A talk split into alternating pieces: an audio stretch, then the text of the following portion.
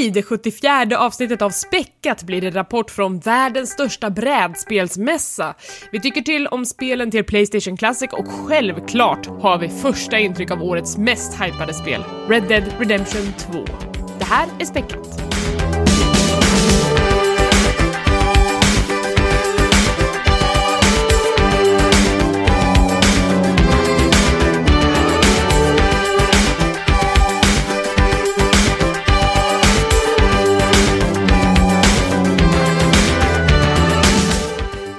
Och välkomna till ännu ett avsnitt av Späckat. Ah, det här är avsnitt nummer 74 i raden. Jag heter Elisabeth och med mig har jag idag Tommy Howdy. och Niklas. Howdy ma'am. Får vara tråkigt. Ja, fy fan alltså. Eh, Det, det hör ju, hörs ju att klockan är slagen här va? Eh, cowboyklockan. Koklockan. Mm. The cowbell is ringing. Just det. Ah, Skjuter men vi skarpt här? Snälla, snälla. Nej. Skjuter från höften också. Som Oj, oj.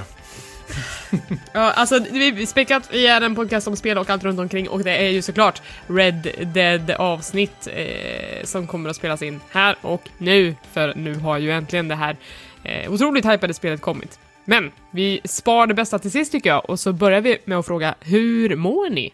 Tommy, vill du börja? Jag mår bra, tack faktiskt. Jag har inte varit med på ett tag. Jag tror nästan det är en månad sedan eh, jag var med här. Ja, du har, det har märkts, din frånvaro. Ja, det är precis. Vi har väl nästan fått hyllningar på Twitter att det blir lugnt med svordomar. så nu jävlar är jag tillbaka, så sätt er ner eh, rejält nu. Lås in barnjävlar, ungjävlarna nu, för nu ska det sväras. Och apropå svära. Svärmor. Ja, ja, men jag, jag, men anledningen till varför jag var borta är för att min svärmor har varit på besök här och eh, eh, hälsa på. Och det, det har ju varit eh, intressant. Hon tar ju för sig rätt så rejält. Det känns som att ha typ någon slags här TV4-profil här hemma som går runt och klämmer på allting. Ingen nämnd, ingen glömd, kan jag säga.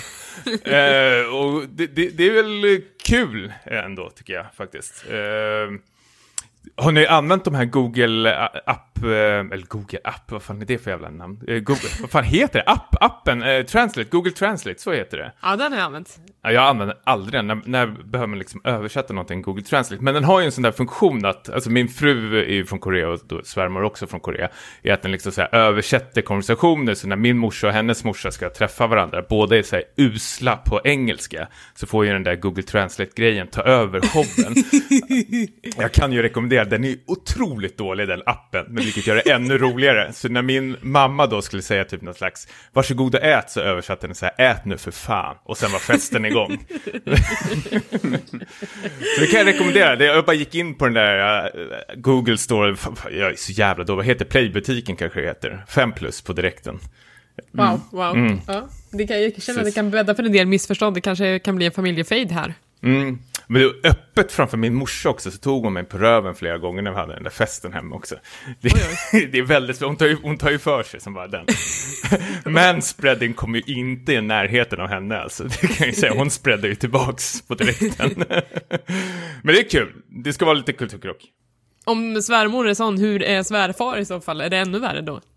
Eh, han är inte i bilden, så... Oh, okej. Nej, men han, han, han är vid liv, eh, tror jag. För han, Okej. han, nej men det, jag kan lika dark. det är inget, det, nej, jo men det är det. Han drog med så här, eller han spel, jag tror han spelade upp min eh, svärmors och, eller hela familjens pengar på så här Pachinko och sen eh, förlorade han allting och bara drog och lämnade dem med massor med skulder. Ashemskt är det faktiskt. Jo! Det är kul, så de är pissfattiga. Så jag känner mig som så här, den här rikemansbarnet som åker dit och plockar upp min fru. Ri- Rika vita mannen. Precis. ska Save my daughter! ja, usch. Jag känner mig som Ulf, Ulf, jag känner mig som Ulf Kristersson när han reser till Kina med sin fru, så han vips så kommer han hem med tre kinesiska ungar liksom. ha, oj, oj, oj, mycket. Vi är bara några mi- minuter in i podcasten och det är redan utför. Hur mår du Niklas? Jo, det är bra. Vi får klippa ner Red Dead 2-segmentet för att få plats med det här. Eh, men det är det ju värt. Nej, men det är, väl, det är väl bra med mig. Hur ska du toppa det här tänker du? Det, det går inte ens att försöka. Jo, vi var på, vi var på bio, det här Capital eh, Bio, igår i eh, Vasastan. Har du hört talas om det, Elisabeth? Nej, vad är det för någonting? Det är liksom en, så här, en ursprungligen en väldigt gammal biograf som liksom har stått tom eh, väldigt många år. Och den har de nu liksom rustat upp några sådana här cineaster som eh, startade en Kickstarter-kampanj. Ja, det är Kickstarter-bion! Ja, Ja, mm, mm, exakt. mm, mm. Och det, de, de nådde ju sitt mål som var 250 000 kronor på 33 timmar. Eh, så det var ju en rungande succé. Och det, konceptet är ju att de ska visa dels nya filmer men också gamla filmer och kanske lite mer så sällsynta filmer som inte går upp på den SFs repertoar. Och, eh, och så är det ju liksom en bio slash bistro. Så att tanken är att du ska kunna köpa lite liksom öl och sånt i baren och ta med in i biosalongen. Och även när du köper biljetten då får du också frågan om du vill köpa med dig liksom lite mat. Till exempel en så här charkbricka eller något liknande. Eh, inte liksom en så här trerättersmeny utan mer så här snarare lite tilltugg. Men det är lite filmen. som eh, VIP-baren på, eh, är det Rigoletto och den som är på Kungsgatan. De har ju, om man sitter där i 18 plus-sektionen, då kan du i alla fall köpa med dig öl och vin in. Uh, men när vi var på, när jag och Micke var i New York och gick på och såg Blade Runner där, då var vi också på en sån bio där man kunde ta med sig mat in och vi tyckte att det var helt fantastiskt. Det var också typ sådana här fåtöljer som man typ låg ner i. Uh, men det var jättekul att det kommer en, jag vet inte, något lite mer gemytligt till Stockholm, speciellt nu när filmstaden är i stort trubbel på grund av sin nya logga. Åh, gud, fan vad jag hatar det. Det jag älskar gå in på de där, jag älskar att gå in på de där Facebook, det är enda, alltså vilka använder Facebook nu som är så här eh, under 40 år, räck upp en hand. Jag använder det mer än någonsin just nu, bara för att gå in på de här eh, grupperna, stå upp för Martin Timell och rädda Filmstaden eller något liknande. Sådär. Och nu, nu är den här Filmstaden-gruppen är ju hur roligt som helst, för då har de betygsatt, det är ju, det är ju de här eh, Steam-recensionerna påminner lite om att folk är skitförbannade nu för det här F-et. Och det är någon som hade dragit så långt att de är, det är feministiskt initiativ som har liksom påverkat dem. Eftersom Åh, de också nej. har det här F-et. Ah, Det är en politisk jättekul. konspiration. Ja, herregud. Det är, men det är underbart se de här galningarna, psykopaterna där som eh, skriver de här. Facebook är hur kul. Facebook har aldrig mått bättre nu, ska jag säga. Nej, nu faktiskt. när det bara är old people där. Det är nu Ja, det precis. blomstrar. Alltid de här bilderna underifrån och typ tre hakor och liksom stirrar ner den här eh, kameran. Och när de det skriver profilbild. på sin egen vägg, tack för igår Gun. Helst, och, och en liten Sverigeflagga i högra vänstra hörnet också. Såklart. Ja. Mm. Kanske fortfarande en Je suis eh, flagga, fransk. Just, Ja, just det, det, ja. de- ja. Det finns ju, det, jag ser en Ja. Mm. kategori Facebook-användare som fortfarande har kvar den flaggan. Eh, fint i och för sig, men eh, det känns som att resten av Facebook går ju också vidare till eh, nästa grej. Mm. Ja, men vad såg ni för film då? Vi såg uh, Nicolas Cage nya. och det låter ju kanske inte så bra spontant, men den, eh, det var den här Mandy. Jag vet inte om du har hört talas om den, men det är... Jo, jag en- hörde att han gjorde sin livsroll i den filmen. Nej, Ja, Det är, ja. det går att diskuteras, är ju fortfarande... The Rock. Wild at Hearts. Wild at Heart är ju fin förstås. Men, eh, nej, men det var väl en, en ganska så här utspårad, jag vet inte, fantasy, skräck, film. En sån skön genrehybrid. Um, Jodorowsky började vi na- namedroppa efter filmen, eh, jag och Tommy då. Ehm, men jag tyckte den var häftig. Det är ju så här, just en, en sån film som inte går upp då på SFs biografer. Utan det liksom, den visades på Monsters och Filmfestivalen och då fick inte jag tag i biljett i tid. Så då tänkte jag nu måste jag passa på här. Ehm, så det är lite så, sådana filmer som den här eh, biografen liksom kan, eh, kan göra en insats för. Som ska nästan upplevas på bio. Det, det kände jag med Mandy, att det var ju någon slags här, audiovisuell eh, upplevelse. Även fast liksom handlingen är väldigt så här, trivial nästan, eh, så är det ju liksom Själva Ja. stämningen i filmen är helt eh, otrolig faktiskt. Det är väldigt mycket att titta på. Otroligt vackra bilder, häftig atmosfär. Så Mm. det var ju en bioupplevelse. Verkligen. Och eh, biografen var mysig. Man Eh, kanske måste prova, prova den någon gång. Det tycker jag. Eh, helt klart. Hur, hur är det med dig då? Oj då, ja, nej men jag, nu är det ju liksom så här regnigt, ruskigt, det har varit lite snö till och med, så att jag har gått in i någon slags eh, extra växel på när det kommer till mys. Så att jag, jag vägrar ju vara obekväm nu, så att jag har ju typ häromdagen gått in i någon så här butik för underkläder för kvinnor, och så har jag gått in dit och sagt att jag ska vara jävligt mysig eh, efter att jag har lämnat den här butiken. Och så köpte jag typ så här eh, ett, ett par så här, mjukisbyxor som är så här fodrade på insidan som att de är skitmjuka och jättevarma. Och sen så köpte jag typ ett par tofflor som också var så fodrade på insidan som ser ut som små kaniner. Det finns verkligen ingen värdighet i att ha det här på sig, men jag är otroligt mysig. Och sen så har jag ställt mig och bakat en plåt med kakor nu på eftermiddagen också. Så att jag, jag njuter verkligen av det här höstrusket som är just nu. Det är väldigt så pr pruttvänliga kläder låter det som nästan. Väl, väldigt, väldigt. Ja. Jag är laktosintolerant så det är helt perfekt. Men är det, men är det från den här, uh, vad var det, War, Warcraft-boken? Nej, inte den här gången. Eh, inte, inte den här gången. Jag var också lite trött på den för jag gjorde någon sån här varm choklad och den var typ lite märkvärdig och det skulle vara typ chipotle chili i den och man bara fuck this shit. Så jag ville bara göra ett vanligt jävla recept som man vet vad det smakar. Så då blev det så här vanliga jäkla kakor. Eh, Drömmar. Nej, chocolate chip historier. Eh, men däremot så har det ju landat en ny kokbok nu i min ägo, det är ju Fallout-kokboken, så att eh, den, eh, det kommer väl bli mer konstig matlagning framöver. Vad är det? Sp sprängd anka, typ, eller? Ja men det, det är typ iguana och stick och det finns till och med ett recept på hur man gör sin egen Nuka Cola och sådana grejer. Uh, så att ja, det, det kommer bli ett projekt att ta sig an allt det här uh, kulinariska experimenterandet. Ja, nej men jag är precis uh, nyligen hemkommen ifrån Tyskland. Ja, oh, wie geht's? Ja, wie geht's, genau. det är det enda jag kan säga. Men vi var alltså... genau. vi var alltså i en förort till Düsseldorf som heter Essen. Och i Essen så är det varje år världens största brädspelsmässa. Jag har aldrig varit på den här förut, utan det var första gången som jag tog Mikael under armen och så åkte vi dit och eh, hade en eh, kanonhelg faktiskt. Det var otroligt roligt. Mm. Eh, Hur går det här till då? Är det, får vem som helst komma och ställa ut eller? Ja, alltså jag tycker att det var ett väldigt bra utbud på montrar. Det är som sex enorma mässhallar. Alltså det är den absolut största mässan jag varit på någonsin.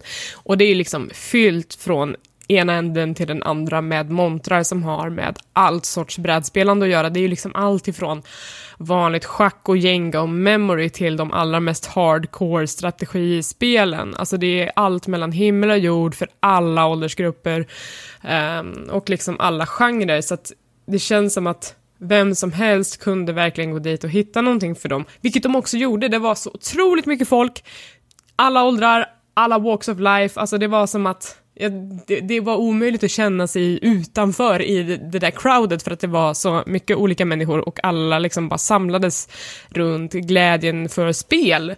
Um, så det var otroligt mäktigt att se faktiskt. Men var det bara, är det bara nya spel eller är, det liksom, är de i betastadie vissa som man får prova på? Eller, jag, jag känner inte alls till det här. Nej men alltså det, jag skulle säga att det är allt, alltså det är verkligen allt, allt, allt. För att det är ju liksom, du kan gå dit och köpa ett, ett, ett vanligt schack, men du kan också gå och köpa liksom Eh, spel som är kanske två år gamla, du kan köpa ett spel som är precis utkommet, något som ska komma snart så att du kan vara den första som lägger vantarna på det, ända upp till spel som ska gå in i Kickstarter nästa år, men att du redan nu får en chans att prova det så att du kan göra ett informerat beslut när du lägger din pledge på den till exempel. Eh, men det är ju liksom stora förläggare ju där, så typ Hasbro och Alga och sådana där namn som man känner igen till de här små indieutvecklarna och till och med till individuella personer som står och har sin egen monter, så det är verkligen både högt och lågt där. Um, och sen så finns det också vissa inriktningar, så att en hall kändes som att den var väldigt inriktad på figurspel, typ Warhammer och sådana grejer. Uh, och en annan kändes som att det var väldigt mycket kortspel. Uh, då känns, såg man liksom mer så Magic the Gathering och Pokémon-spelen och sådana saker. Så att det, det är verkligen allt. Jag tror, tror, eller om det var den här mässan, men det var någon liknande mässa. Jag vet inte om det var dig Elisabeth jag hörde av, eller om någon kompis eller liknande. Men då var det något tågspel som gjorde väl någon slags kontroversiell eh, utbrytare. Det var, man skulle, liknande Ticket to Ride så skulle man liksom importera och exportera sina liksom, eh, eller man hade kört så här godsvagnar var det. Så man skulle liksom köra mellan, jag vet inte om det var länder eller destinationer och liknande. Och så fick man de här, eh, skulle man fylla vagnarna och så skulle man pendla fram och tillbaks. Men sen mot så slutet av spelet så eh, vänder man på ett kort och då får man reda på att man har liksom eh, fraktat eh, judar till så här eh, förintelsen. Oh my god! Och då får man göra ett val under spelet då om man ska fortsätta och vinna eller om man ska liksom eh, ge upp då, då och uh. avsluta spelet. Men det var väldigt, så här, många sa att det var väldigt här, stark eh, upplevelse för, för man satt där och tävlade så fan och typ ja, skulle ha mest poäng eller vad man nu skulle ha. Och sen fick man reda på att man har gjort värsta skiten då. Så folk, Wow! det var lite coolt Aldrig, man- aldrig coolt, hört talas om det. Nej, jag, jag om kommer inte ihåg vad det hette heller, men jag kommer Nej ihåg men att säg det- ingenting så att när vi väl spelar det så blir vi överraskade så blir det ingen spoiler för någon. Det finns i alla fall ett sånt spel. Den nya Ticket to Ride-expansionen. Ja, precis. Eh, right men, this. Men något som är så här super, alltså, vi, eftersom det var första gången, jag hade typ inte läst på någonting om hur det här skulle gå till, utan jag bara gick dit och bara var väldigt glad eh, amatör på något sätt. Men det vi ser när vi börjar röra oss mot, webb, eh, mot eh, mässhallen från hotellet, är att det kommer personer som går i motsatt riktning och har typ så här äh, så här stora blå IKEA-kassar, en i varje hand, och den är fylld till bredden med brädspel.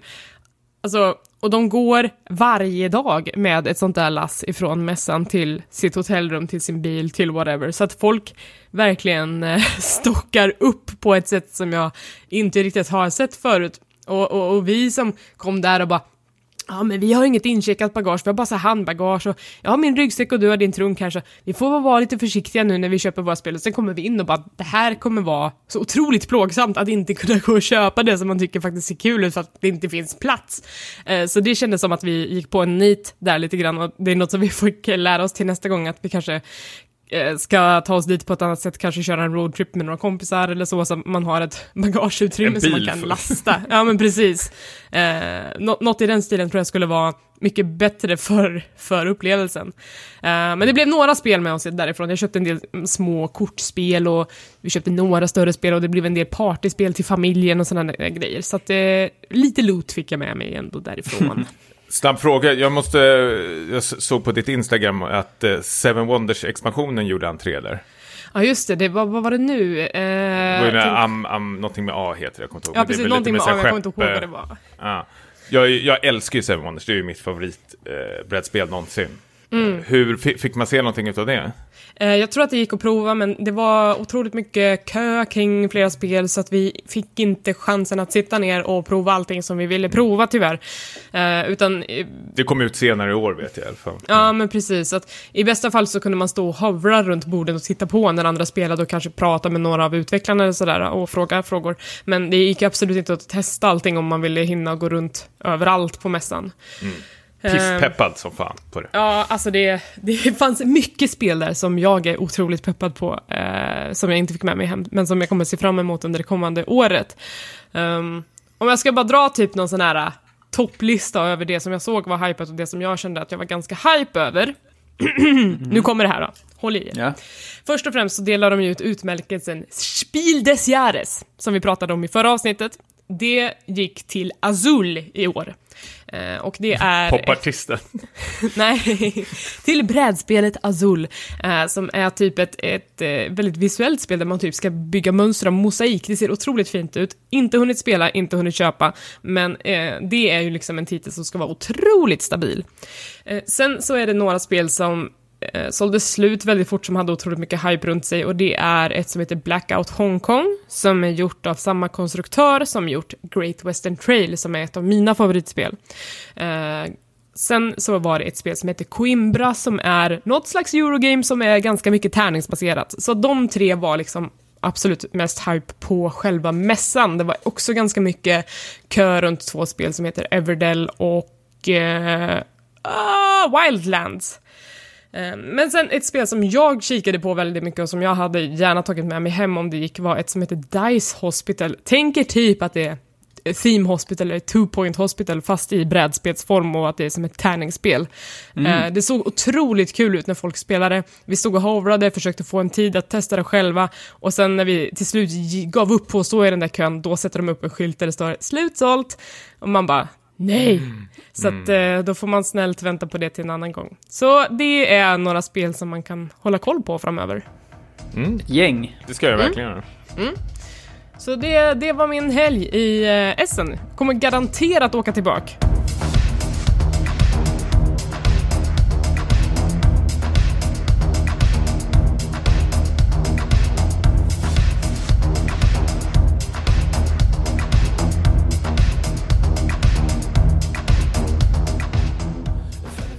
Vi har spanat in några nyheter och eh, en grej som vi ska prata om lite grann är att Sony nu har släppt line-upen av spel till sin minikonsol Playstation Classic och jag som är totalt oinsatt i Playstation 1, kan inte ni berätta era intryck om den här eh, raddan med spel?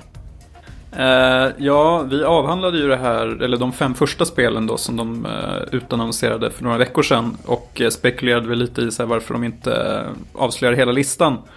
Eh, det måste väl varit att de försökte skrapa ihop de resterande titlarna på något sätt. För, ehm, för min egen del så är ju det här en eh, monumental besvikelse sett till eh, spel.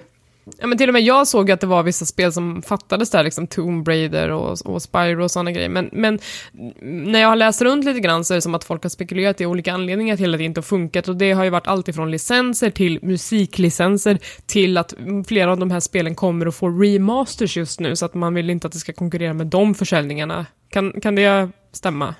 Det tror jag verkligen, särskilt när det kommer till så här, Tony Hawk 2 som många hade hoppats på. Det är väl inte så jätte eller jag vet inte, är det så jävla farligt att köpa ut Papa Roach Last Resort eller vad fan heter det? Fort Last Resort. Last resort. Äh, äh, det jag däremot äh, kliar mig i skallen på rejält är, alltså, jag kan ju förstå urvalet varför de gjorde det och varför, varför de kanske har fått stretcha lite på det. Men det jag undrar är varför den japanska och västa, västländska versionen är så otroligt olika. Mm. Den japanska är ju mer ja, liksom, liksom eh, klassiska JRPG-spel. Typ såhär Saga Frontier och... Ja, nu kommer jag inte ihåg vilka... Par Parasite Med Ark the Land och allting sånt där. Medan, ja, det, det, får inte vi i väst. Så jag undrade liksom hur det gått till där. ja, precis. Parasite Eve som du sa. Uh, det... Vi pratade ju om det förut, att det, liksom, det var sådana typer av spel, lite mer såna exklusiva som inte har släppts i Europa eller väst. Eh, det är liksom det som skulle få en att kanske eventuellt visa intresse för en Playstation Classic. Men nu är det ju de här äh, gamla godingarna, alltså Destruction Derby och sånt. Visst, det är ju Playstation för mig liksom, i mångt och mycket, men det är... Det är mycket... pisstråkigt att spela det tror jag. Ja, jag tror också det. Och det är mycket här som, är, som man har redan spelat i diverse inkarnationer och eh, vet inte, vad är Intelligent Cube för någonting? Det är otroligt Ingen aning alltså. Det var många Ett Persona-spel dock, men det är väl inte liksom ett av höjdpunkterna i serien Tommy, antar jag. Revelations Persona. Uh, nej, det skulle jag inte säga. Det var ju där det började, så det kan vara kul typ så här för Persona-fans som har typ eh, börjat vid Persona 3 eller 4 att liksom backa tillbaka och se vart, vart det började någonstans. Mm. Eh, jag, jag, har ju själv inte spelat Persona 1 och 2 ens. Jag har bara tittat lite snabbt på dem. Och det var, det var ett helt annorlunda team som gjorde de två spelen också. De ska, inte vara, de ska vara okej, okay, men de är ju inte ett dugg i närheten av 3, 4, 5. Men det, det kan jag tycka är ändå lite kul. Men eh, jag suktar ju mer på liksom, den japanska versionen. Eh, och eh, jag hade nog köpt, om det var nog de här, återigen, JRPG-spelen. För de tror jag liksom håller på ett annat sätt, eftersom det är mer menyer och sånt man ska eh, knappa sig runt i. Istället för typ, ja, återigen Destruction Derby. Jag tror inte kontrollen där alls håller. Eh, eller liksom bilduppdateringen och sånt. Hur känner du Elisabeth som inte har varit med om Playstation 1-eran? Jag tycker ändå att det, det, det, är några spel som lockade där, så det vore kul att köra typ så Metal Gear Solid uh, från början som det var. Uh, men, men kan men jag köpa känner... GameCube-versionen då, eller liknande? Men GameCube, Jesus Kristus. Ja, men... i alla fall. Det, men jag håller med lite grann med dig där, att det är några spel som eh, eller liksom, det är mycket spel som saknas, alltså just JRPG-grejerna, var är SUI-koden liksom? Det hade väl varit skitkul att köra på en sån konsol, tänker jag. Mm.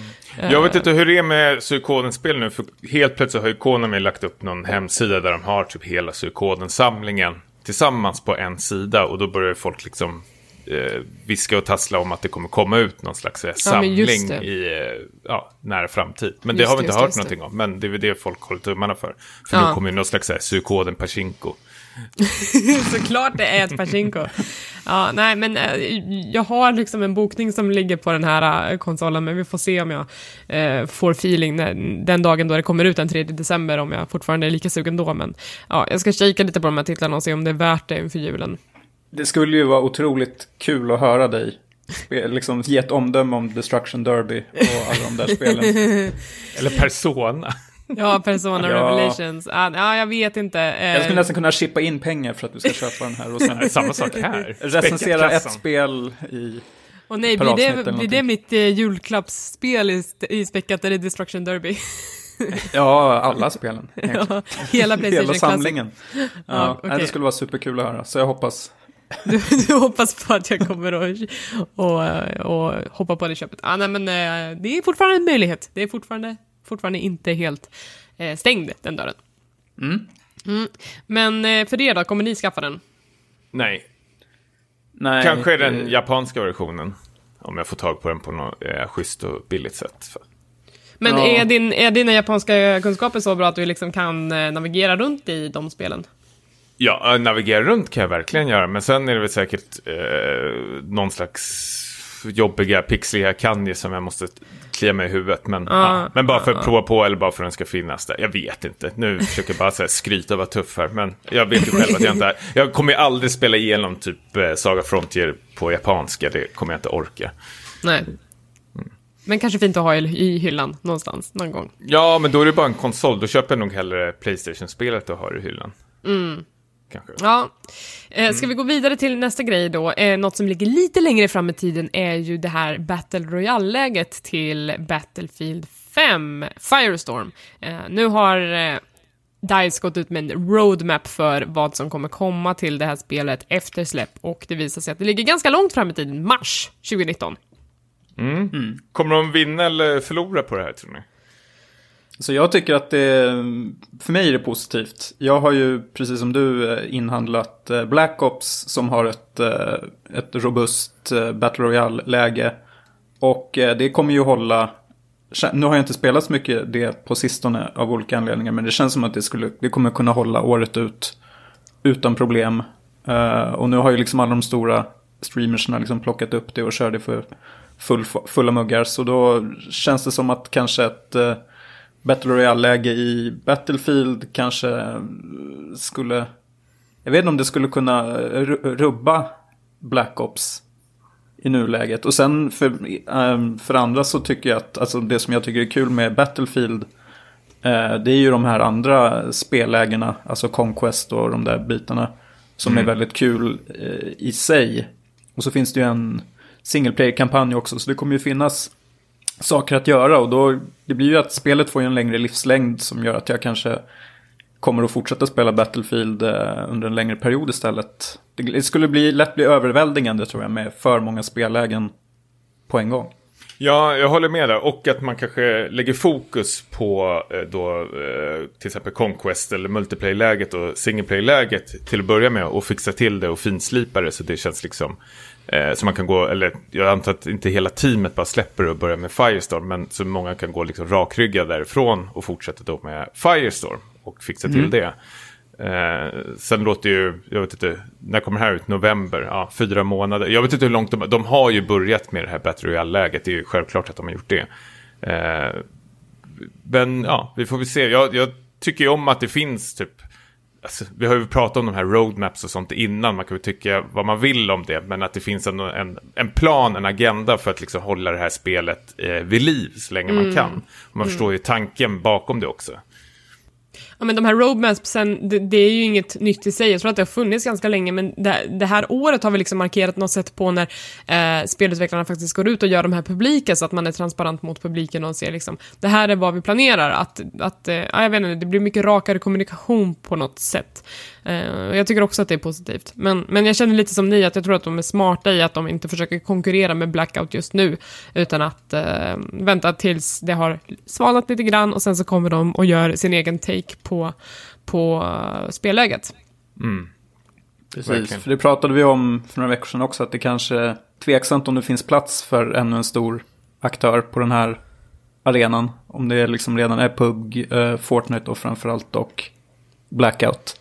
Mm. Men, jag, men jag, jag har läst liksom lite vad folk tycker och tänker om det här och, och det är vissa som, som påpekar det här med att varför, eh, varför tänker vi, eller varför har vi kravet att eh, just Battle Royale ska stå på egna ben när det kommer till sådana här multiplayer-lägen? Alltså, så, det säger vi ju aldrig om till exempel Capture the Flag eller sådana grejer som alltid brukar vara en stapel i den här sortens spel.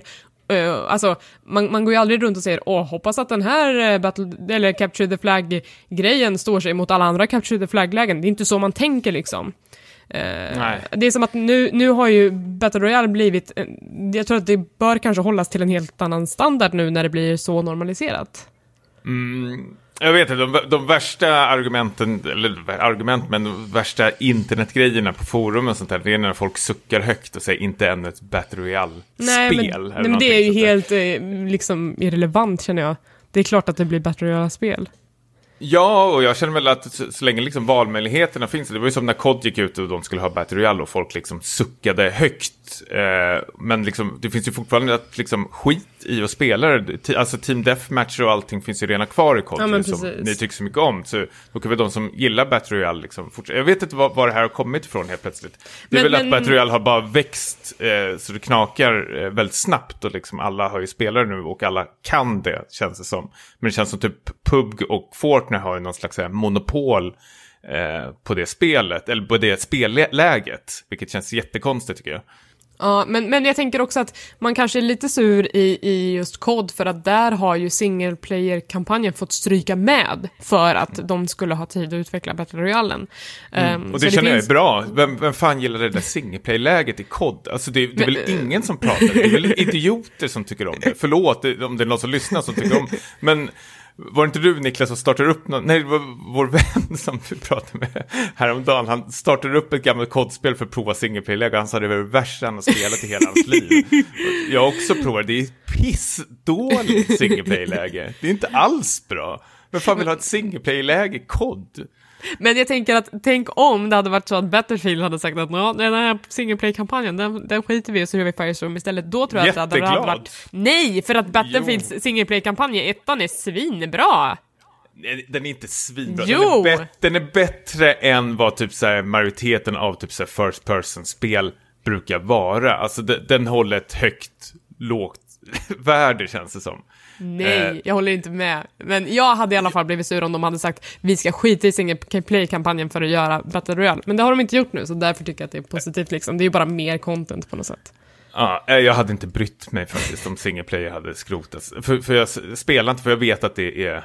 Eller jag, jag, jag har redan ställt, jag vet ju ingenting om Battlefield 5, men det jag har liksom provat de andra Battlefield-spelen är ju aptråkigt. Det är bättre kanske än kod, visst, men det är fortfarande liksom dåligt enligt mig faktiskt.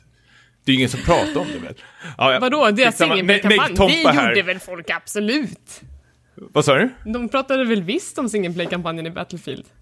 Ja, folk pratar om det, men liksom det, det, känns som folk pratar om det typ i två timmar och sen var det liksom avhandlat. Du, du har ju inte gjort några liksom så stora kliv, känns det som. Du var ju inte revolutionerande på något sätt eller någonting. Nej, men det är klart att den, den, den var ju otroligt kort också, men det var ju så short but sweet och det tycker jag är bra.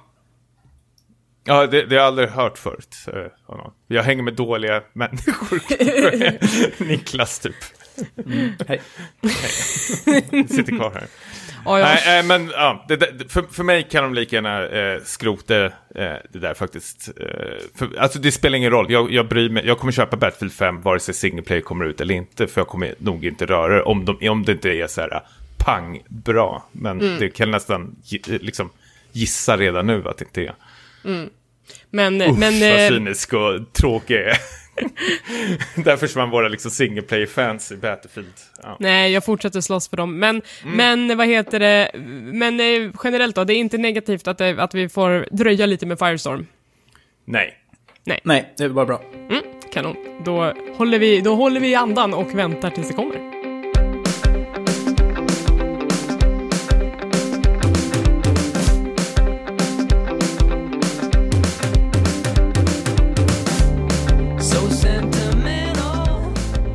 Vidare och pratar om eh, spelen vi har spelat och innan vi ger oss på cowboylivet i den amerikanska västern så ska jag prata om ett helt annat spel. Vad säger vi om det?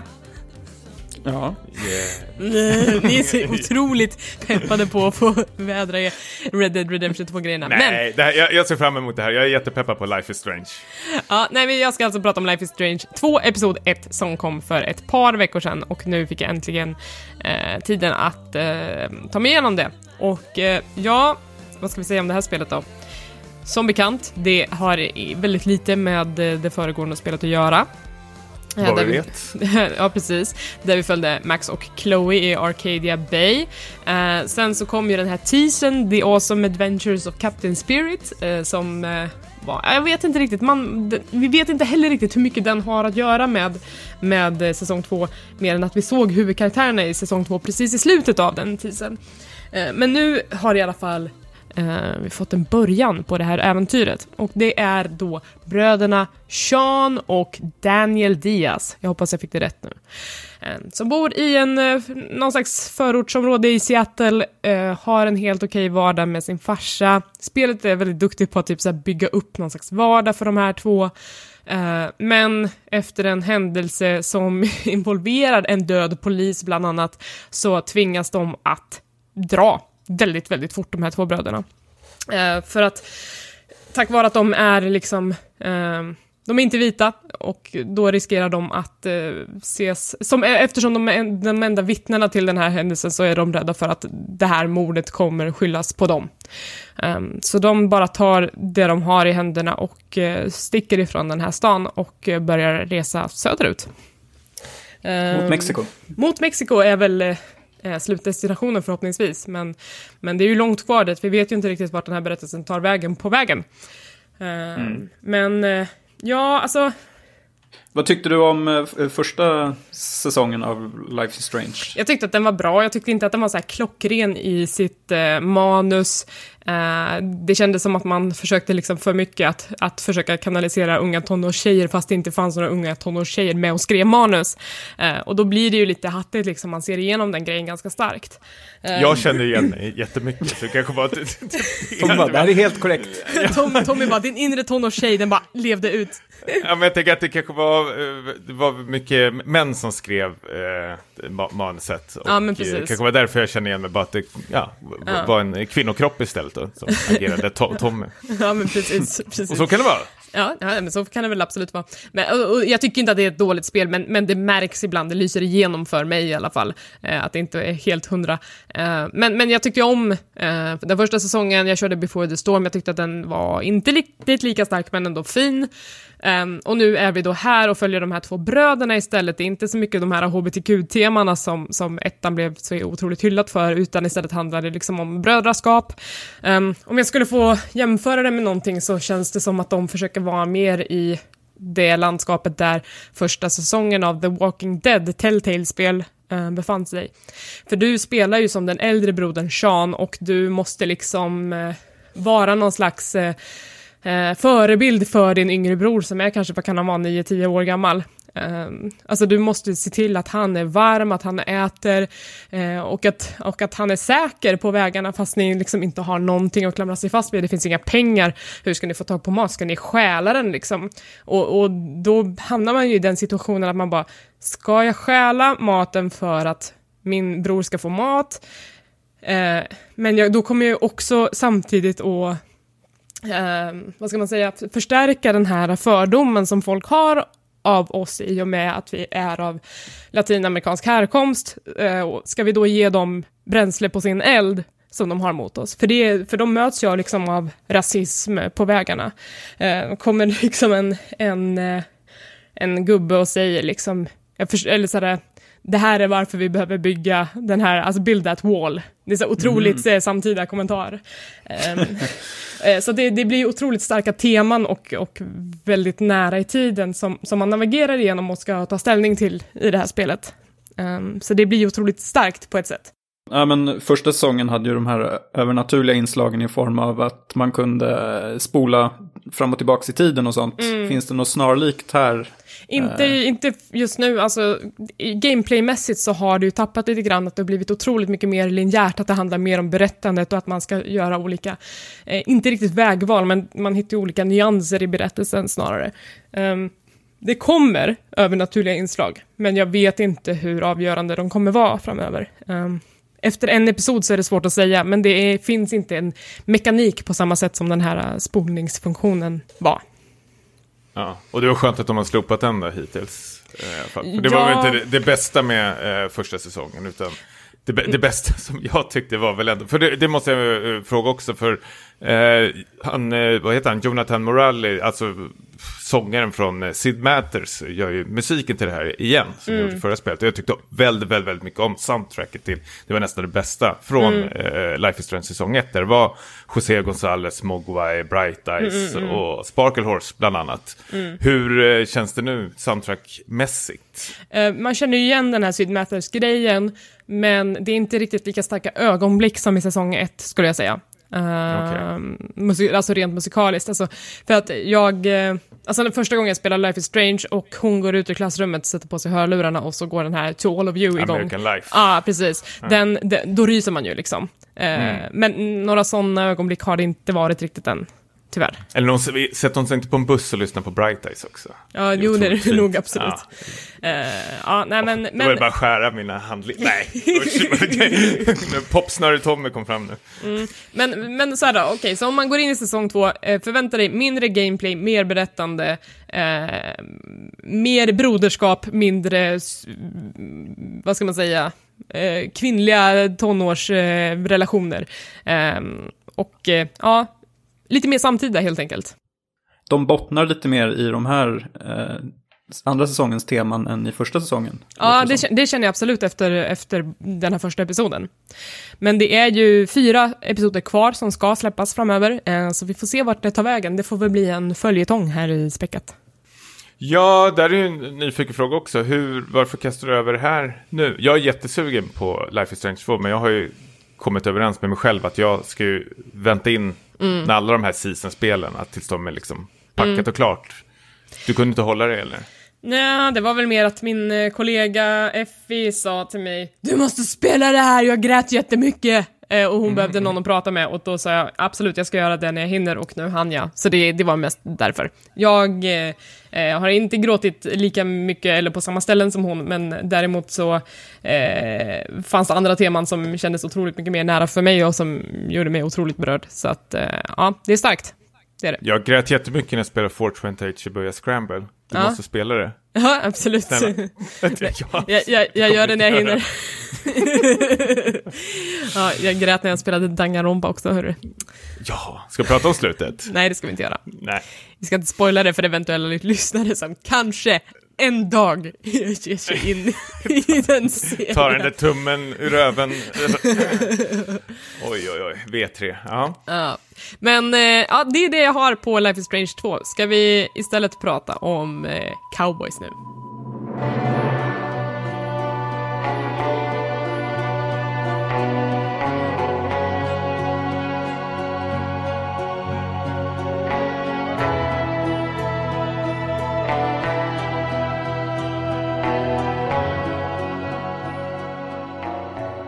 Som ni har längtat.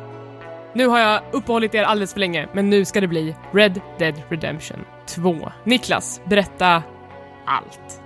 Ehm, vi ehm, har ju pratat lite om det här spelet, avsnittet som har lett fram till det här. Uh, och uh, finns väl lite ehm, hyfsat höga förväntningar ändå på att det här ska bli något typ av årets spel. Um, men ehm, om, vi, om vi tar liksom handlingen i korthet så utspelar sig ju det här innan eh, det första Red Dead Redemption. Och man spelar eh, som en eh, herre som heter Arthur Morgan. Och han är då en av banditerna i eh, Dutch Vanderlindes gäng. Alltså gänget som eh, är eh, skurkarna, antagonisterna i det första spelet. Så man är liksom på deras sida i det här. Och eh, John Marston som var hjälten då i första spelet, han är också med här. Men han, eh, inledningsvis så håller han sig lite i så här, periferin, lite i eh, bakgrunden. Och eh, ja, finns kanske inte så mycket mer att säga om själva storyn. Men... Jag har en fråga. Och Ja. liksom, m- hur eh, mår man, eller hur mår spelet när det har sådana otroliga förväntningar på sig? Kan man gå in i det här spelet med liksom inga förväntningar? Det måste ju vara omöjligt. Ja, jag tänkte nästan vända på det, liksom, hur mår sådana här Rockstar-fans eh, egentligen? Eh, jag vet inte, det, eh, det har ju varit sån otroligt, eh, som du nämnde Niklas innan, en sån otroligt liksom, hype inför det här spelet. Det är ju nästan att folk har liksom Eh, när man bläddrar runt lite, särskilt nu, nu gör jag lite smygreklam här, men på webbhallen finns ju den här hype-mätaren. Då har ju folk liksom redan utannonserat det här till världens bästa spel. Och det dröjde liksom två, tre dagar förrän liksom så folk började gå in och sätta femmer på det här spelet på eh, diverse hemsidor. Alltså, eh, re redan där har det ju slagit slint i folks huvuden. Jag, jag får någon känsla av att Rockstar har blivit något slags eh, vad Eminem var när eh, han slog till i början. Känns det som nästan. Att det är väldigt farligt att liksom så här, kritisera och eh, ifrågasätta liksom, den här artisten. Och så har nästan liksom, Rockstar eh, blivit känns det som. att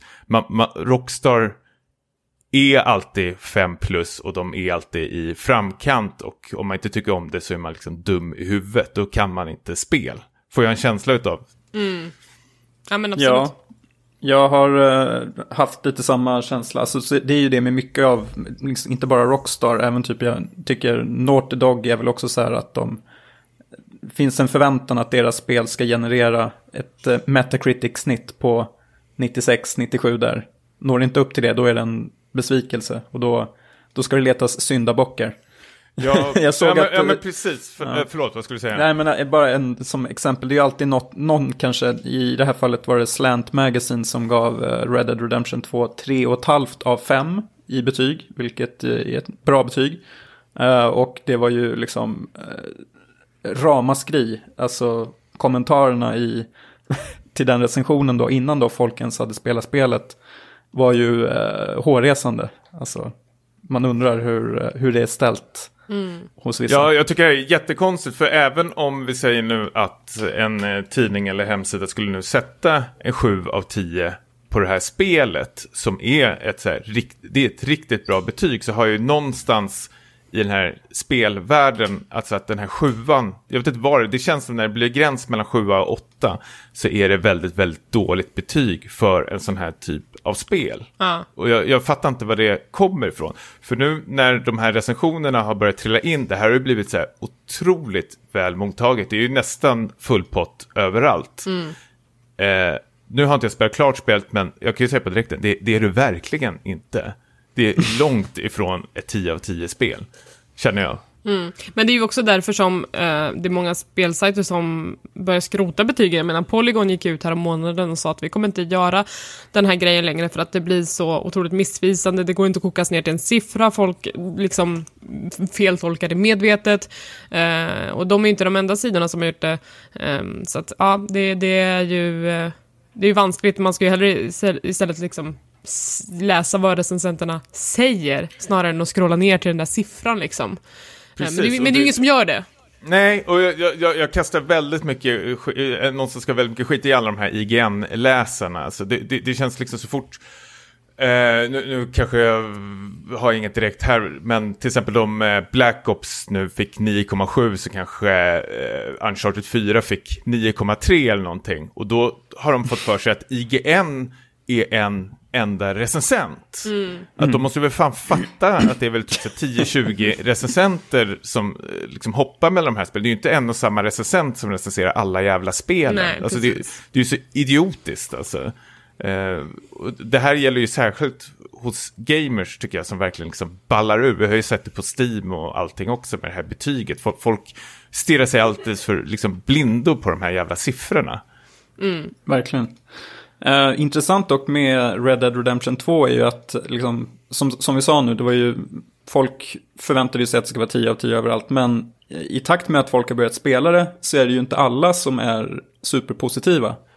Uh, det har du noterat Elisabeth kanske? Jag har noterat att det har varit Eh, ja, det är ett tekniskt kompetent spel, men det är, sätter inte alltid spelarens upplevelse främst, så kan vi säga. Men eh, jag har inte spelat någonting, så att jag tänker att ni kanske kan få berätta vad, vad ni känner inför, inför det här spelet, det ni har kört. Mm. Om, jag, om jag tar täten här så skulle jag säga att, alltså, eh, som du säger, det är inte spelarens intressen alltid som är, liksom, ligger i första, eh, första rummet. Utan det är, alltså det är ett spel där eh, naturen är ju på något sätt huvudrollen här, den otroliga världen. Eh, men också, alltså tempot har ju skruvats ner markant om man liksom jämför med andra typer av open world-spel. Det är en, en mer så här kontemplativ upplevelse där du liksom ska sakta ner och stanna upp och verkligen ta in alla omgivningar. Och det är mer fokus på eh, realism här också. Till exempel då att du måste eh, ta ett bad när du blir smutsig. Du måste koka ditt eget kaffe. Du måste kä käka mat. Alltså, du, du kan inte liksom... Om du står i en affär och du ser tio burkar med konserver som du då vill ha. Då kan du liksom inte eh, köpa alla tio på en gång. Då måste du plocka en i taget och läsa på den och, och, och köpa den och så vidare. Så att, och det är också en av liksom de bidragande orsakerna till att tempot har gått ner för att alla de här sakerna som man tar för givet i andra eh, snarlika spel som bara går med eh, eh, på en gång mm. har de ju här dragit ut nästan i så att det blir så här absurt långsamt ibland. Eh, och alltså vissa spel som till exempel The Last of Us äh, kändes ju också som att det försökte sakta ner lite och göra lite mer tyngre, lite mer kanske realistiskt på sina håll. Det var ju ändå så att det inledde ju med en så här riktig eh, knockout på något sätt. Inledningen är ju otroligt stark. Mm. Här är det liksom raka motsatsen. Det är en riktigt så här seg, utdragen prolog med det här eh, gänget. Eh, banditgänget då som går omkring uppe i snön och härjar. Och eh, jag vet inte, jag, jag, tyckte att det var otroligt, alltså allt kändes väldigt jobbigt att göra i Red Dead Redemption 2 till en början. Det var en så otrolig omställning från till exempel Shadow of the Tomb Raider där liksom allt känns klockrent från första början med kontroll och menyer och allt känns intuitivt och så vidare. Här är det raka motsatsen ska jag säga. Jag tycker det känns, allt känns eh, tillkrånglat. Nästan för sakens skull. Eh, jag vet inte Tommy, vad tycker du i, om allt det här?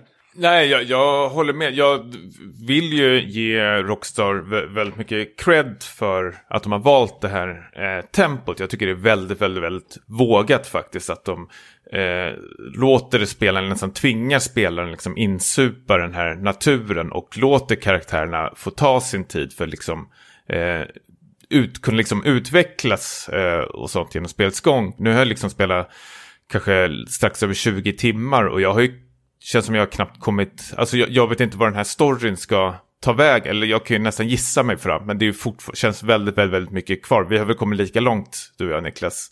Mm. Det, det, känns väldigt, eller jag, man vet inte vad som ska hända de närmaste 20 timmarna. Man kanske är kvar i det där kampet och sitter och dricker eh, kaffe och har gjort några liksom, eh, bankjobb. Och jag har kul med det, jag har trevligt med det. Men det som oroar mig är att kommer det hålla i längden? Alltså kommer jag tycka det är lika kul eh, att koka den här Alltså göra de här omständiga sakerna som är väldigt så här, intressant mekanik de har lagt in som koka kaffe, eh, jaga rådjur och sånt där efter 40-50 timmar. Jag är väldigt rädd att jag liksom kanske råkar fokusera på alla de här små sakerna för mycket och sen har jag liksom 40 timmar main mission kvar som jag måste ta igen. Och då har jag liksom, liksom gått in i väggen nästan i det här universumet.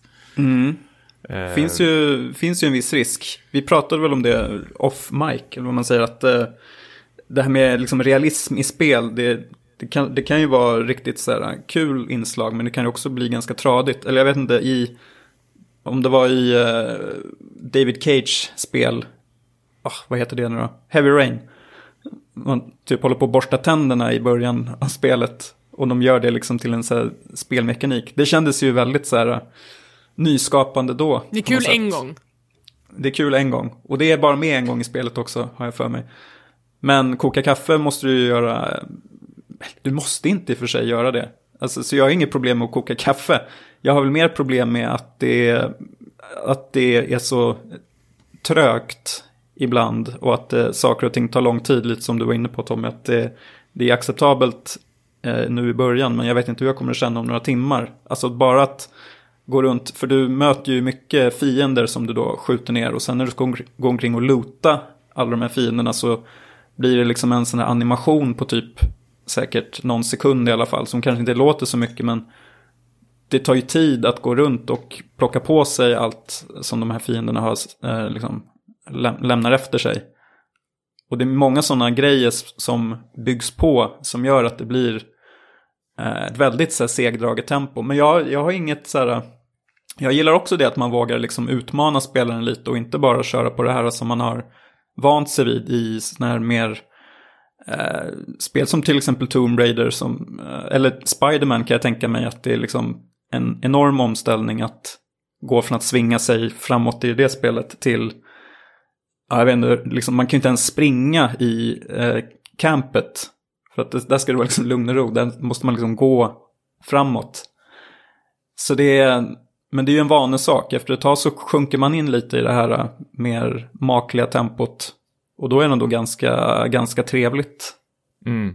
Alltså det, det, är ju väldigt, väldigt, väldigt njutbart att bara gå runt och titta och pyssla med saker. Alltså hitta på sina egna uppdrag, kolla runt, prova jag vet inte, vapenprova, klippa sitt jävla skägg och sätta på lite bilkräm på håret. Alltså det, det är, på något sätt är det väldigt liksom jag vet inte tillfredsställande, men det, det, finns alltid saker att göra. Det finns så sjukt mycket med pillar, pilla med, men spelet säger ju inte åt en vad som finns, utan det är väldigt mycket att eh, du, du, får upptäcka det själv. Alltså, det känns som jag upptäcker nästan nya saker hela tiden i det här kampet som jag kan göra, eller hitta saker som, inte alls, eller som spelet inte säger åt mig finns, på både gott och ont.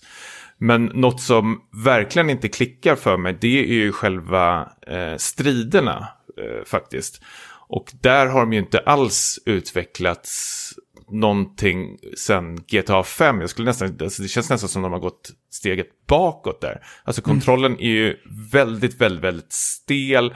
Eh, det är problem att typ så gömma sig bakom covers och ta sig från en annan punkt. Jag har ju liksom slutat med att röra mig. Jag sitter bara och trycker i ett hörn och skjuter de här fienderna som oftast de uppdragen jag har kört så kommer de bara in i vågor och så ska man bara skjuta ner 20 stycken och sen är det klart. Alltså striderna har ju inte gjort något, har jag verkligen inte alls känt någon slags wow-upplevelse, långt ifrån. Det, det känns väldigt eh, så här, gamla, eller liksom förra generationen strider nästan. Mm. Jag håller med. Och eh, utöver det så tycker jag att eh, där det också känns som det inte har hänt så mycket, det är själva liksom eh, uppdragen. Allt som oftast så är det ju, alltså det är väldigt mycket eh, ridande mellan destinationer. Och det är väl svårt att komma ifrån kanske, men det är liksom ett typiskt uppdrag 9 av 10 känns som att det är rid till punkt A medan du liksom smågnabbar lite med din kompis som rider bredvid. Um, du kanske träffar på någon eh, snubbe som du ska då jaga till häst och fånga in. Um, Sen så när du tror att det är lugnt så blir du överrumplad av 30 fiender och du måste ta skydd och, och skjuta. Och sen så är det klart och du eh, rider hem igen. Det är väl mm. i princip eh, alla uppdrag. Och det känns som, även om spelet är så här 60 timmar långt, känns det som att utan problem att så här, hälften av den tiden kommer att gå åt att liksom rida fram och tillbaka till de här eh, destinationerna. Um, så jag sätter ju, alltså man kan ju som tur är sätta ut en punkt på kartan uh, dit du vill uh, rida. Och sen så kan du uh, låta hästen rida av sig själv medan du går och gör någonting annat. Det, det finns fast travel också. Det finns fast travel, men inte inledningsvis. Den kan man låsa upp lite senare. Tror och jag. den är väldigt, väldigt begränsad också. Du kan inte fast travela vad jag upptäckte i alla fall, tillbaka till ett kamp. Mm. Du kan fast ifrån det på eh, nästan eh, runt om i kartan då. Men att komma tillbaka så måste du liksom rida eller ta tåget till någon nära destination i så fall. Eh, och det här är ju, det, jag har också upptäckt att den här kartan, alltså det, det, det tycker jag är rätt så skönt ändå, den här minimappen, det är inte så pluppigt av sig, det är inte Ubisoft pluppigt. Alltså saker och ting skriker ju inte på kartan, känner jag i alla fall. Eller vad känner du? Nu? Med missions Nej, ju... och gå hit och glöm inte att göra det här och allting sånt där. Nej, det är helt rätt och det tycker jag också är skönt. Um, det, dyker, det är liksom på sedvanligt Rockstar-manér så dyker det upp folk längs med vägen som ropar på dig och liksom vill ha din hjälp. Lite så här uh, strangers som du kallar då som man kan hjälpa. Um, men det roligaste med spelet är ju typ när man ska man bara rider iväg kanske till en punkt som är uh, ja, jättenorrut till exempel. Och du liksom inte ser några på, uh, på jättelänge, några andra människor. Då känns det ju som att, så här, att man ger sig ut lite i det okända på, uh, och utforskar. Då, är det, då tycker jag att det är väldigt uh, kul. Men det är just med de här väldigt daterade huvudsakliga uppdragen. Känns som att det här har vi gjort till leda i Rockstar-spel eh, i många år nu. Och eh, visst, gillar man det så är det fine, men jag känner att så här, ett spel som får så pass höga betyg, då hade jag nog ändå förväntat mig att det skulle ha hänt lite mer på den fronten. Ja, jag undrar hur de kan ha gjort den stora missen att gjort en eh, vilda västern research, alltså då pratar jag om filmerna, det här, alltså Rockstar, ska, alltså det här spelet försöker ju vara väldigt liksom cinemografiskt. att det ska vara snyggt och allting, men de, jag känner, alltså när, både när det kommer till musik och liksom hur det är skjutet med hur de har valt alla scener och sånt där, jag känner inget så här Sergio Leone eller John Ford eller Howard Hanks känsla av det, utan det är liksom typiskt Rockstar, eh, någon slags eh, axelkamera. De har väl någon slags sån här, det känns nästan som en sån här drönaråkning över skogen som ska gå ner till eh, spelaren i tredje person. Det känns väldigt så här simpelt allting. Jag tycker att de kunde ha lyxat till det och eh, liksom haft det lite mer lekfullt eller känns det lite eh, mer influerade av de här eh, stora liksom, filmregissörerna som har liksom eh, gjort till exempel de här dollartrilogin eller liknande och hämta hem lite eh, snygga influenser därifrån. För nu känns det väldigt, alltså alla kameravinklar och sånt de väljer känns ju väldigt så, stela. Stelbent. Och, ja, precis, väldigt tråkiga eh, faktiskt. Eh, jag tänker på God of War som gjorde någon slags supergrymt jobb. Hur de eh, lekte runt med kameran och allting där. Alltså, känns ju liksom Red Dead Redemption har ju inte en chans emot det typen av spel. Mm. Ja, faktiskt. jag håller med. Sen är det ju lite så att efter ett tag så växer man ju in som sagt i det här lite stela eh, spelsystemet och eh, att kontrollen är lite trög och inte så här responsiv. Det är liksom det vänjer man sig vid av någon anledning. Så jag har ju ändå kul. Jag, jag fortsätter ju komma tillbaka till spelet även fast jag inte är liksom helt såld. Det är ett bra spel, det är ett otroligt välproducerat spel, det ska man inte sticka under stolen. Men det, det man kanske ifrågasätter är väl alla de här eh, snabba skyhöga betygen och hypen. Alltså folk, det, det, känns nästan som att de har upptäckt liksom hjulet med det här spelet känns som. Får liksom en känsla av. Att mm. det, här, det här spelet, om du missar det så är du dum i huvudet.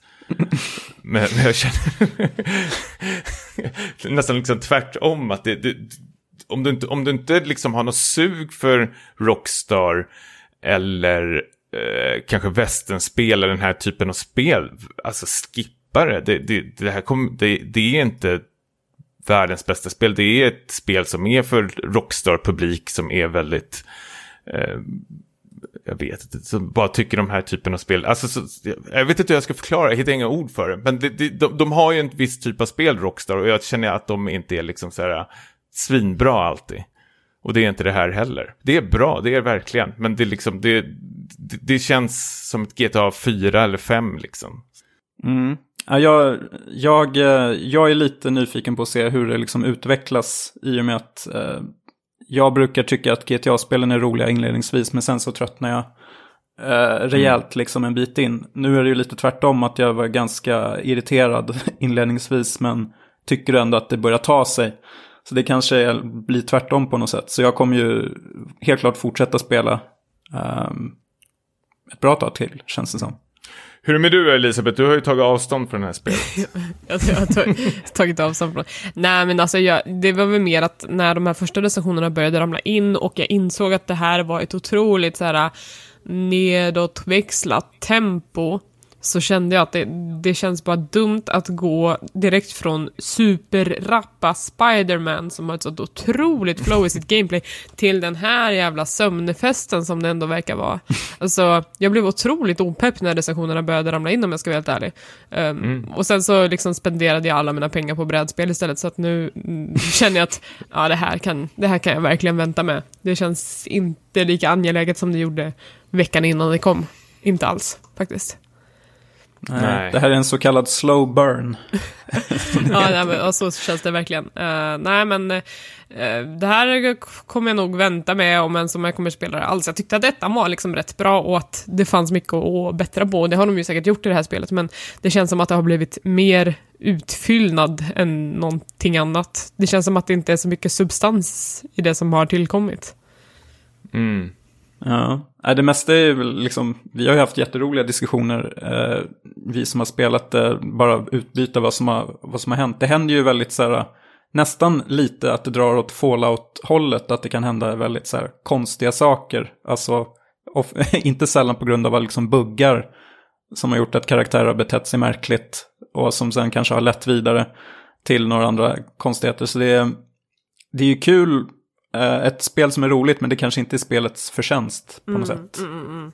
men, men jag är lite nyfiken på de här survival-grejerna, det här med att koka kaffe och raka skägget och klappa hästen och så här. Finns det något straff eh, om man inte gör de sakerna? Skägget växer ju så det ser ut som en... Den vilde bushmannen. Ja, precis. Ja, Nej, alltså du, du straff finns det, alltså det, om du inte liksom tar hand om din kropp och blir undernärd och, och sånt, då förlorar du ditt liksom så här max-HP och din eh, region går ju upp eh, snabbare, eller långsammare. Mm. Eh, så du straffar, och din stamina också, så du straffas ju på sådana sätt. Alltså käkar gör man ju hela tiden, det finns ju gratis käk i kampen bland annat och sånt där. Så det är ju väldigt lätt att liksom bara trycka i sig någonting mm. eh, innan man ska iväg och göra ett uppdrag bara för att förbereda sig. Men sen är det ju massor med andra sådana här små pill att du måste liksom olja in din eh, telefon tänkte jag säga, pistol. Den världen lever jag i. Eh, olja in den för att om du inte gör den så förlorar den stats och jag tror den kan även liksom så börja glappa eh, då liksom eh, efter ett tag då. Mm. Att den inte liksom skjuter iväg skotten eh, riktigt. Och sen har du ju här Dead Eye-läget. Men sen, alltså de här NPCerna är ju otroligt eh, känsliga. De är ju mer eh, liksom lättstötta än eh, Alex Schulman känns det som nästan. Att liksom så fort, alltså jag har ju råkat öppna en dörr i någons ansikte och helt plötsligt var ju typ hela staden efter mig. Nej, eh, otroligt jobbigt. Och sen bounty på liksom 100 dollar. Vilket är så mycket. Ja. Det var mycket på den tiden. Det tycker jag ändå ja. är det tråkigaste i det förra Red Dead Redemption. Jag tyckte verkligen att det här bounty-systemet det intresserar mig inte alls. Jag skulle vilja stänga av det helt och hållet. Det har ju blivit skruvats upp liksom till det värre, skulle jag säga. Det är det här folk har stört sig väldigt mycket på, jag har läst på Reddit. Mm. Att de är inte alls nöjda med det här. Mm. att de vågar liksom inte ta ut svängarna eftersom de blir bestraffade för mm. det direkt. Ja. Jag spelar ju som ett as och jag blåser ju skallen av varenda en nästan. Alltså, Alla vittnen. No ja, men, jag, jag, men ibland har man känt sig otäck när man, när man, har, man ska råka slå till någon i baren så råkar man liksom slå till damen bredvid som sitter och spelar piano och så känner man så herregud och så, blir så ska man försöka så stöka undan det och så råkar man lappa till en annan uh, tjej. Ja. Och så, en riktig oh, fars det här. Ja, ja, det är ju otroligt fars. Det är våras för sheriffen. ja, verkligen. Det är ju precis, det är mer Divoras sheriff för sheriffen än typ eh, Sergio Leone-filmer. Ja, alltså jag, ens, jag vill ju ha liksom Unforgiven med Clint Eastwood, hans antivästern. Men det är det ju rakt inte. Men en, en annan grej, eh, jag har hört att de här karaktärerna i det här Vanderlind-gänget, att de är väldigt välskrivna. Håller ni med om den saken? Nej, inte direkt än så länge tycker jag. Men jag har hört folk som gillar det också. Det var ju så här, det är ju vid ett tillfälle, så, eller vid flera tillfällen så anordnas det ju fester i ditt läger. Då går jag och lägger där, mig kan jag, jag, jag gick och la mig av misstag, för jag ville spara. Och sen när jag vaknade då, då var festen slut och jag kände så här, ja, Folk gjorde kanske inte så mycket. Sen läste jag någonstans att ja, du ska verkligen inte missa festerna. Det är ju, eh, du lär känna karaktären otroligt bra. Då. okay. Men så finns det ett annat, finns ett annat uppdrag där man ska gå liksom och, och fyllna till på en bar. Vilket är liksom bland det värsta jag har liksom varit med om i ett Rockstar-spel. Det är det Ja. bästa uppdraget i hela Ja, Tommy spelet. gillar uppdrag. Ja, Det där var ju liksom buskis. eh, Ja, det var bu- buskis deluxe var det. Jag har aldrig skrattat så mycket i hela mitt liv. Jag, då manspreadade jag 90 grader och bara slog mig på benet. Skrek och pekade på tvn. Då kände jag mig hemma i västern. Men ni har inte fått samma vibbar av, av det här gänget och de här karaktärerna då med andra ord? Nej, alltså de har ju mycket att berätta, men jag känner att det är bara så här chatter hela Ja men just det, det är, det är riktigt Bioware-klass på det kanske, så du stänger av. Ja, jo men faktiskt. Det, eller jag vet inte, jag känner att det, alltså jag har inte varit med om något hittills att det är någon som har något liksom så här, intressant att berätta. Alltså spelet har inte tagit någon vändning eller twist eller någonting och inte någon sidokaraktär heller. De har lite så här saker att berätta, man får lära känna dem, men det känns som så här, jag vet inte, trista Tinder-dejter liksom känns det nästan. Att det, man, man vill bara dricka upp den här bärsen och gå därifrån. Så. Ghosta dem. Men det Ja. går inte för ni bor i samma läger, fan. Just det. Ja. Jag går och campar 200 meter ifrån. Typ. Tjurigt. Ja. Nej, jag vet. Jag är inte, men återigen, jag har bara spelat typ plus minus 20 timmar, lite, men över 20 timmar har jag i alla fall spelat och det, det, det kanske byggs upp, till, eller kommer det göra såklart, men just nu känner jag att jag inte bondat med någon eh, karaktär alls faktiskt. Jag är inte ens sugen på att ligga med de här byhororna. Så, så jävla slak är jag. Om man ska göra det, kanske man inte kan. He's back. Eh, jag har läst att det finns en companion app till Red Dead Redemption 2 som tydligen ska förhöja spelupplevelsen en del. Har ni testat den? Nej, jag har inte orkat. Jag kan inte se mig själv hålla på att titta ner i telefonen. Jag läste också att den skulle vara jättebra, men jag, jag känner jättekonstigt att jag ska hålla på att släppa kontrollen och ta upp appen och kolla kartan och sånt. Mm, Ja, möjligtvis att jag skulle kunna göra det med under de här långa ritterna. På Ja, liksom det är 10 sant minuter. förstås. Så jag kanske ska testa den här. Ja men gör det, återkom och se hur det är, för jag är lite nyfiken på hur det funkar. Ja.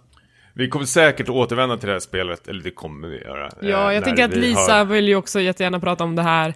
Eh, hon är ju på e-sportsevenemang den här veckan, så hon kunde inte vara med. Men, men eh, där har vi ju en stor Red Dead-fantast i panelen också. Mm. Och sen Och så så, blir det någon slu- slutkläm också när vi har klarat det. ja. Och sen ett on- online-läge som kommer sen. ja, men just det. Ja, så det, Battle är, Royale. Det kan vara. ja, det, det är många timmar kvar av Red Dead Redemption ändå. Ja, herregud. Det, är, vi har bara, det känns som vi är i prologen, Bojan.